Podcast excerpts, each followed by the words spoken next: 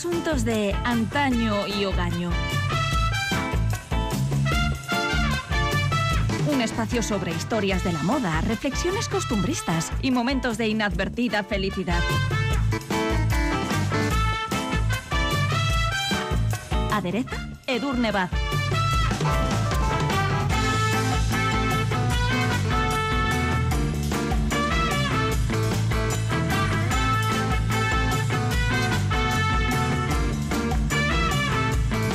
Lo largo de los sucesivos episodios de Asuntos de Antaño y Hogaño hemos visto numerosos ejemplos de cómo el contexto histórico ha influido en las modas imperantes en cada momento. Hoy lo vamos a plantear a la inversa.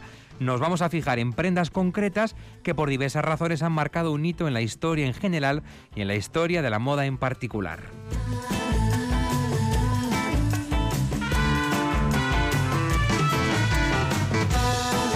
Nos vamos a centrar, para ser precisos, en algunos vestidos que han pasado a la historia y que en algunos casos, como veremos y comprobaremos, han provocado sorprendentes e inesperados cambios. Edurne Baz, ¿qué tal? Hola. Hola, muy bien. Bueno, pues vamos a adentrarnos en esta historia de los vestidos que han hecho, bueno, pues eso, historia. Historia, precisamente. Y además, fijaos si el vestido será una prenda relevante que hasta tiene su propia jornada reservada en el calendario. El 21 de noviembre está fijada la celebración anual del Día Mundial del Vestido. Así que vamos a repasar hoy la historia de algunas de estas legendarias prendas.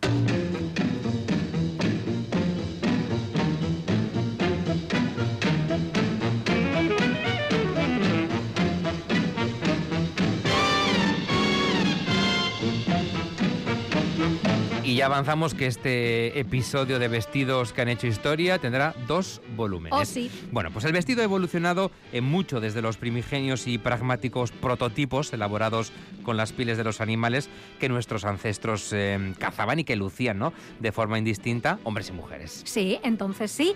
Y luego las diferentes técnicas de elaboración, la amplia variedad de tejidos y materiales disponibles, las particularidades culturales o morales de cada grupo humano o periodo histórico, el deseo de epatar a propios y extraños o de presumir de riqueza o estatus personal, así como las necesidades derivadas de e impuestas por los diferentes estilos de vida, nos han dejado una amplísima variedad de vestidos que se acomodan muy dignos en los recovecos de la historia de la moda. Algunos de ellos no solo forman parte de esa historia, sino que por diversas razones incluso la han trascendido. Nos centramos hoy en algunos de los muchos vestidos que constituyen un verdadero hito y que bien merecen un capítulo propio.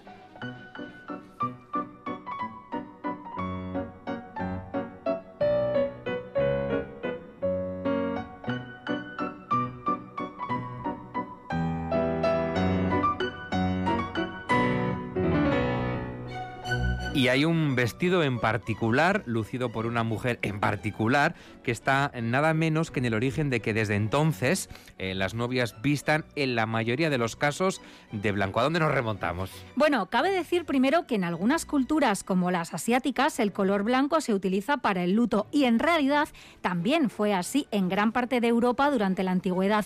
Como recoge Anne en su libro Colores, las reinas de Francia, por ejemplo, lo llevaron hasta el siglo XVI y ya fuera de la aristocracia, las viudas perpetuaron la tradición del luto blanco hasta finales del siglo XVI. En cualquier caso, utilizar este color en los vestidos de novia no se puso de moda hasta la segunda mitad del siglo XIX, tras la boda de la reina Victoria de Inglaterra con su primo, el príncipe Alberto, en 1840. Exacto, porque hasta entonces la mayoría de las mujeres se casaban con vestidos que pudieran reutilizar después en otras ocasiones especiales y si había alguna que lo hiciera de blanco o de un color muy claro, sin duda era porque podía permitirse limpiar el vestido después y reutilizarlo.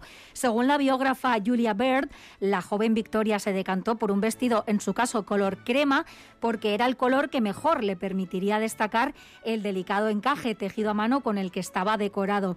La monarca impuso también otra norma, entonces de forma explícita y en la actualidad, digamos, ya no escrita, y es que ninguna invitada a una boda debe lucir un vestido blanco porque se considera que ese es un privilegio solo reservado a la novia, ¿no? La que tiene que destacar es la novia. Exactamente. Y tampoco está muy bien visto el negro, aunque esto ya se empieza a superar, pero desde luego un vestido blanco en una boda, si no eres la novia, no está nada bien visto. Y pese a que la globalización se movía entonces a una velocidad obviamente mucho menor a la actual, la elección de una de las mayores influencers de su época llegó, por supuesto, al resto del mundo a través de los periódicos, las ilustraciones y grabados que registraron los detalles de la ceremonia o los recuerdos que de tal acontecimiento se pusieron a la venta. Y como hoy sabemos, caló profundamente, ¿no? Aunque se dice que el patrón utilizado para confeccionar aquel vestido de boda de la reina Victoria fue destruido para evitar que alguien osara copiarlo, sí se acabó extendiendo entre las novias el uso del color blanco. Y ella, por muy reina que fuera, ¿no? Recicló ese vestido de novia, como era costumbre frecuente, por cierto, en esa época. ¿En qué más ocasiones em, utilizó ese vestido blanco de novia? Pues se la vio con él y con los complementos que lucía en los bautizos de sus hijos, en el retrato oficial que se le hizo con motivo del jubileo de Diamante, en la boda de su hijo Leopoldo y una última vez, cuando murió, fue enterrada por expreso deseo, vestida de blanco y con el velo que había lucido el día de su boda. Hubo otras aportaciones que la reina Victoria hizo a las futuras eh, tradiciones nupciales. ¿Cuáles? Pues, por ejemplo, en lugar de una corona o de una ostentosa tiara, ella lució una guirnalda de flores, en su caso de azahar y mirto, algo que luego hemos visto con frecuencia en muchas novias y también en muchas invitadas, ¿no? Coronas de flores también. Llevaba algo azul y algo nuevo porque lució un de zafiro que le había regalado su futuro esposo, su primo Alberto. Curiosamente, fue también la reina Victoria la que popularizó el color negro como símbolo del luto porque vistió de este color durante 40 años tras la muerte de su venerado marido en 1861.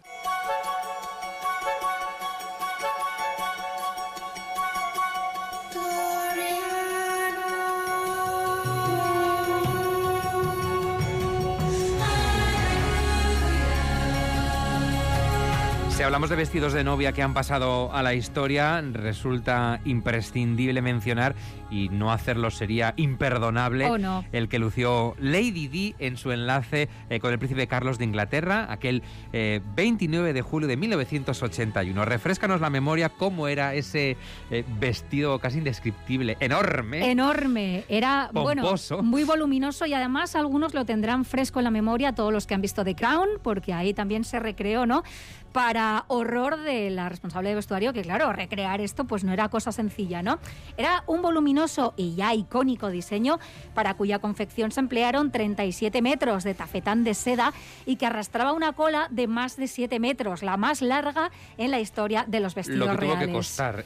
Pues imagínate tanto, eh, metro, ¿eh? tanto metro y tanto trabajo manual y completamente artesanal, ¿no? Lo firmaron dos diseñadores bastante desconocidos hasta aquel momento, que eran David y Elizabeth de Manuel, que tuvieron que lidiar además con el estrés añadido de tener que mantener el secreto respecto a los detalles hasta el mismo día del enlace real. Bueno, de hecho, para evitar cualquier posible filtración, el vestido se custodió en una caja fuerte.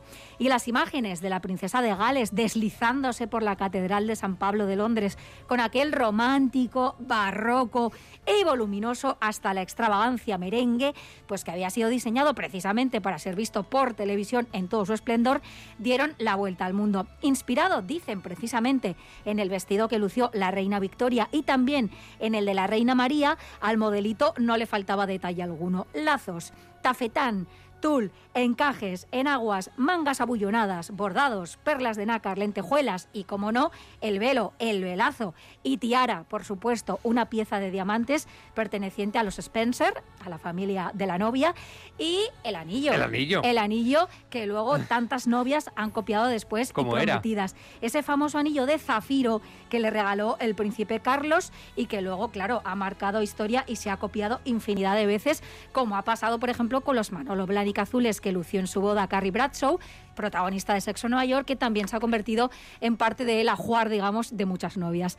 Hay muchos otros vestidos y looks de Lady Di que han marcado un hito en la historia de la moda, pero si hay uno que ha pasado a la posteridad, rebautizado con un nombre más que revelador, ese es, sin ninguna duda, el conocido como vestido de la venganza.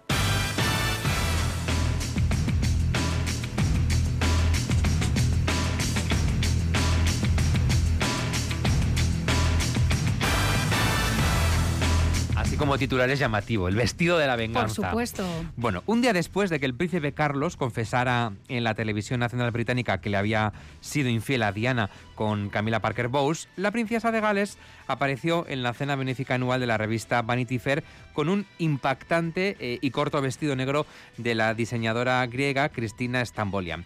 Eh, ¿Qué significado podía tener este vestido? ¿O bueno, tuvo? eh, fue clarísimamente un ejemplo maravilloso de power dressing, un concepto al que ya le dedicamos en su día un episodio, y se dice que debido a lo humillada que se sintió por la emisión de aquel documental, que todo el mundo obviamente vio, pues Diana no tenía previsto acudir a la gala. Pero finalmente, aquel 29 de junio de 1994, solo horas después de la emisión de la entrevista realizada al príncipe Carlos, Lady Di se dejó ver como la mujer poderosa que, a pesar de su aparente vulnerabilidad, llegó a ser y acabó siendo. Y el mayordomo y confidente de Diana, Paul Burrell, ha contado que inicialmente la princesa pensaba lucir ese día un Valentino, pero dado que el diseñador italiano filtró esa información a través de una nota de prensa y esto a ella le pareció muy mal, ¿no? Pues decidió cambiar de estilismo. Y fue el propio Burrell quien, según su testimonio, le sugirió que se decantara por aquel vestido que ella ya guardaba en su armario desde hacía tres años, pero que nunca se había puesto porque le parecía demasiado atrevido, ¿no? Pues llegó el momento. Y mira, pues se encontró finalmente la ocasión para lucir aquel ajustado modelito que, dicho sea de paso, con sus hombros descubiertos y su largura por encima de las rodillas, ¡oh! horror, rompía con las normas de etiqueta y protocolo de la Casa Real. Y dijo ella, pues, ¿no queréis taza? Taza y media. Y por supuesto estaba absolutamente espectacular. Si ponéis en Google Imágenes el Lady Di vestido venganza, lo veréis, un vestido negro, ajustado, cortito, ella espectacular. Y esa fue la razón de que en 2013 la casa de subastas Kerry Taylor lo bautizará con el nombre con el que ha pasado a la historia, el vestido de la venganza. Aunque Por cierto, a mí que eh, ¿Lo estás buscando, lo, lo estoy viendo, Maravilla. es muy reconocido. Yo creo Por que cualquiera que lo vea va acordarse de esas imágenes de ella. Porque hoy estamos hablando de vestidos que han pasado a la historia, que han hecho historia, que son hitos de la cultura popular y el vestido de la venganza de Lady Di es uno de ellos. Pero a mí más que vestido de la venganza me gusta cómo lo describió The Telegraph, que fue la pieza de la resistencia.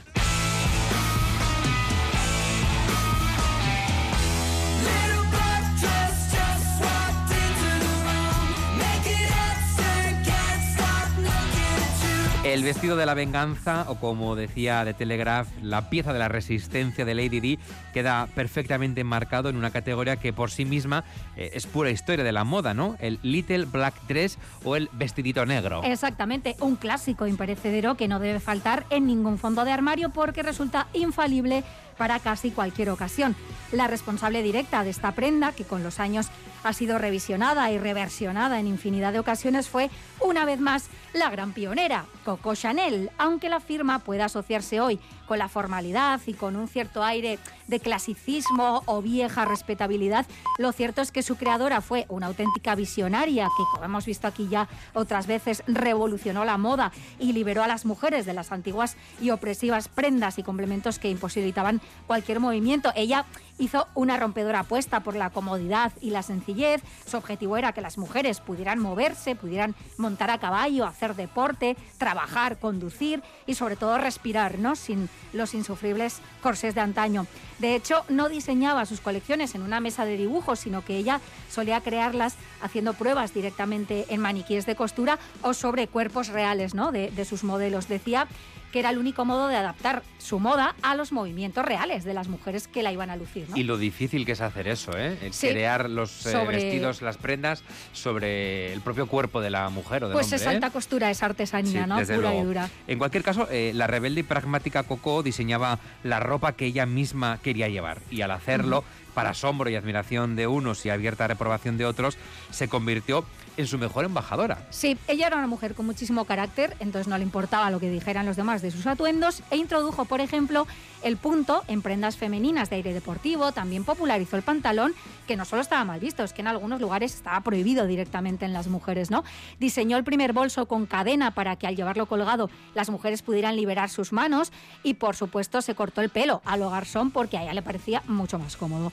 En la década de los años 20 desafió, como tantas veces antes y después las convenciones sociales establecidas y apareció en el teatro con un vestido corto por debajo de las rodillas y de color negro. Y esto que ahora nos parece absolutamente normal en ese momento, en ese contexto eh, y en esa época era un verdadero escándalo, Total. ¿no? Por varias razones.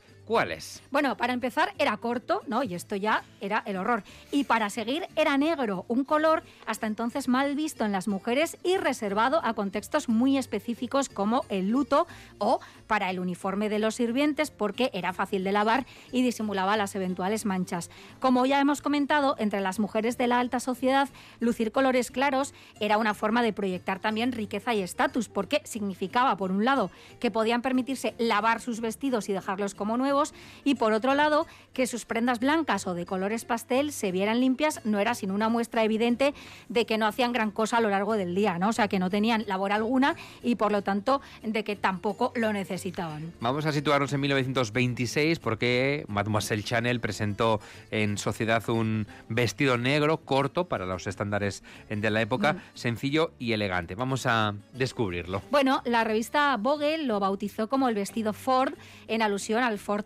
El nuevo modelo de automóvil presentado por la empresa del mismo nombre y que era, como aquel vestido, elegante, sencillo y negro. Coco Chanel presentó tres versiones diferentes de su Little Black Dress, una diurna, otra satinada y una tercera ya de cóctel. Se convirtió en una pieza versátil y de una elegancia atemporal.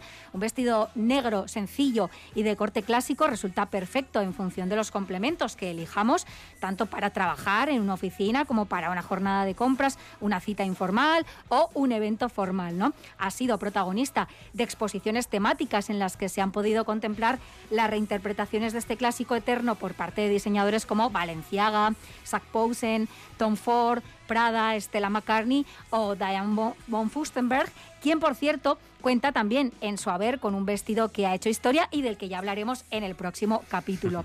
En una entrevista, años después, Coco Chanel declaró con su característica contundencia, yo impuse el negro y aún hoy en día sigue en pie porque el negro borra todo lo que hay alrededor. Déjame que haga un pequeño crossover entre eh, asuntos de antaño y hogaño y vivir para contarlas, Sí. porque pueden recuperar también parte de la historia de Coco Chanel en Vivir para contarlas. Por ¿eh? Supuesto, fue nuestra en- primera Sí. mujer ¿eh? en el espacio. La tenemos en la página web de Déjate Llevar y también en ITV Podcast. En ambas plataformas cierto. pueden hacer ese crossover y escuchar la historia de Coco Chanel, Y que ya nos has abierto el apetito. Dressing, bueno, todo está al final interrelacionado, Sí. ¿no?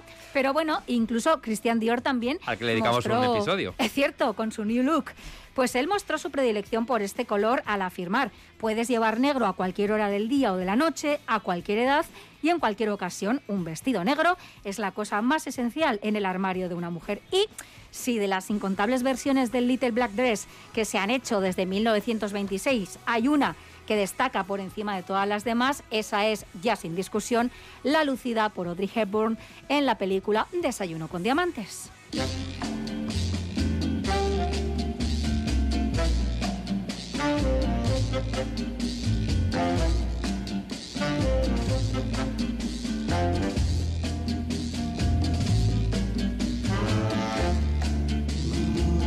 Yo creo que todas, todos, ¿no? Tenemos grabada en la memoria esa imagen de Audrey Hepburn dando buena cuenta, ¿no? De ese combo de café y croissant frente al escaparate de, de Tiffany's en Nueva York, en la Quinta Avenida, con el pelo regiamente recogido, con esas grandes gafas de sol y aquel vestido negro. Ese vestido, ¿no? El vestido. El vestido negro que Juliette de Givenchy diseñó para la película Desayuno con Diamantes, dirigida por Blake Edwards y estrenada en 1961. Y es que ya es una pieza icónica, ¿no? Tanto de la historia de la moda como de la historia del cine.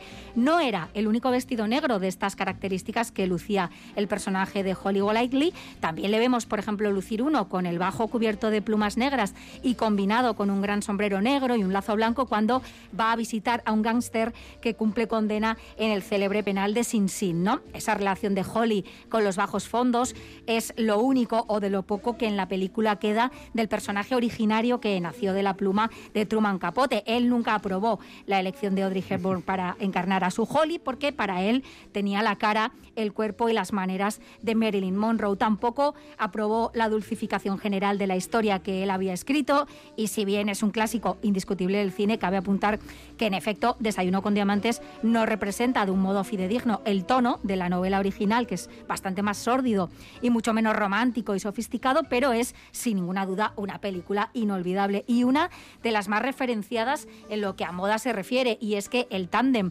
formado por el refinado y exquisito Givenchy y la imbatible elegancia natural de Audrey Hepburn, pues claro, daba siempre como resultado imágenes para el recuerdo, ¿no? De hecho, no solo funcionaron a la perfección como aliados profesionales, sino que fueron amigos íntimos, ¿no? Hasta la muerte de Audrey. Sí, aquí podríamos hacer otro crossover porque tenemos nuestra biografía también de Audrey repasada y ahí hablamos, por supuesto, de este capítulo. Y eso que su relación empezó de una forma algo accidentada, porque como contábamos entonces, cuando repasamos la biografía de la actriz, tras el éxito de Vacaciones en Roma, ella protagonizó junto a Humphrey Bogart y William Holden la película Sabrina, que es una comedia romántica dirigida por Billy Wilder, y para la confección del vestuario de esta película, Audrey fue enviada al taller de Givenchy. ¿Y qué claro, pasó? claro, a él le dijeron que iba a ir a verle Miss Hepburn, ¿no? Uy.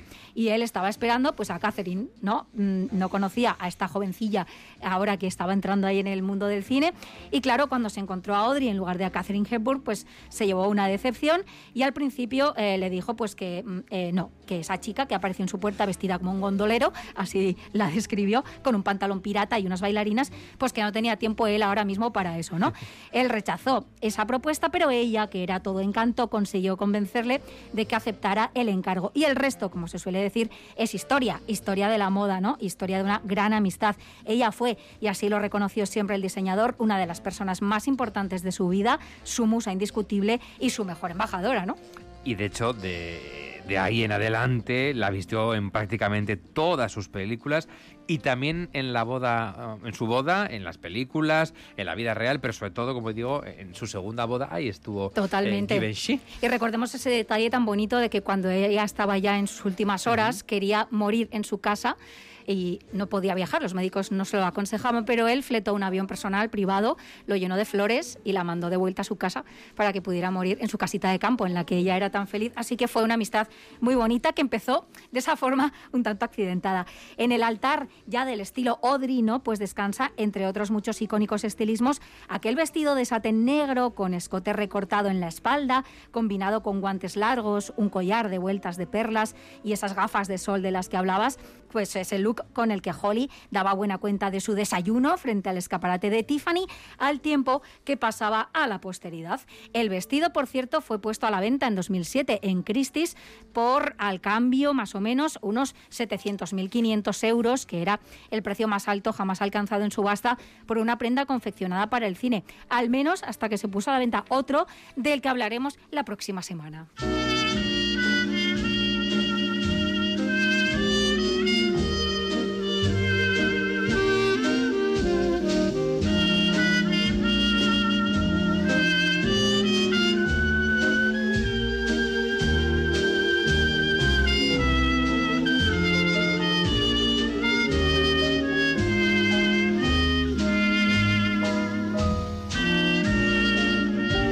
Cerramos en este punto el primer volumen dedicado a algunos de los vestidos más iconos, eh, icónicos de la historia, porque en el próximo episodio seguiremos adentrándonos en la peculiar historia de otras eh, ya legendarias prendas. Sí, hablaremos, por ejemplo, del mítico vestido blanco que Marilyn Monroe lucía en la película La tentación vive arriba, aquel que se le levantaba, ¿no? Con el aire que salía de la rejilla del metro. Una escena, por cierto, cuyo rodaje provocó una verdadera revolución en las calles de Nueva York y que su marido por aquel entonces, Jody Mayo, se enfadará mucho. De esto ya hablaremos también la semana que viene. Hablaremos del inolvidable vestido verde que Escarlata O'Hara se confeccionó con sus propios cortinones para ir a buscar financiación para salvar Tara, ¿no? Del diseño de Versace que Jennifer López lució en el año 2000 y que dio pie nada menos que al nacimiento de Google Imágenes, del icónico vestido cruzado, ¿no? De Diane von Furstenberg o del traje que lucía Jackie Kennedy el día que JFK fue asesinado, entre otros. ¿Con el pillbox era? Sí, el del gorrito pillbox. Ese era el día de la, de la presentación de él como presidente, pero Ajá. también ese día creo recordar que llevaba un pillbox rosa. Y hablaremos también de esto y de qué ha sido de ese vestido después, porque ahora es una pieza histórica, no solo de historia de la moda, sino de historia de Estados Unidos. Todos estos vestidos tienen una curiosa historia detrás que será revelada en el próximo episodio de nuestros Asuntos de Antaño y Ogaño.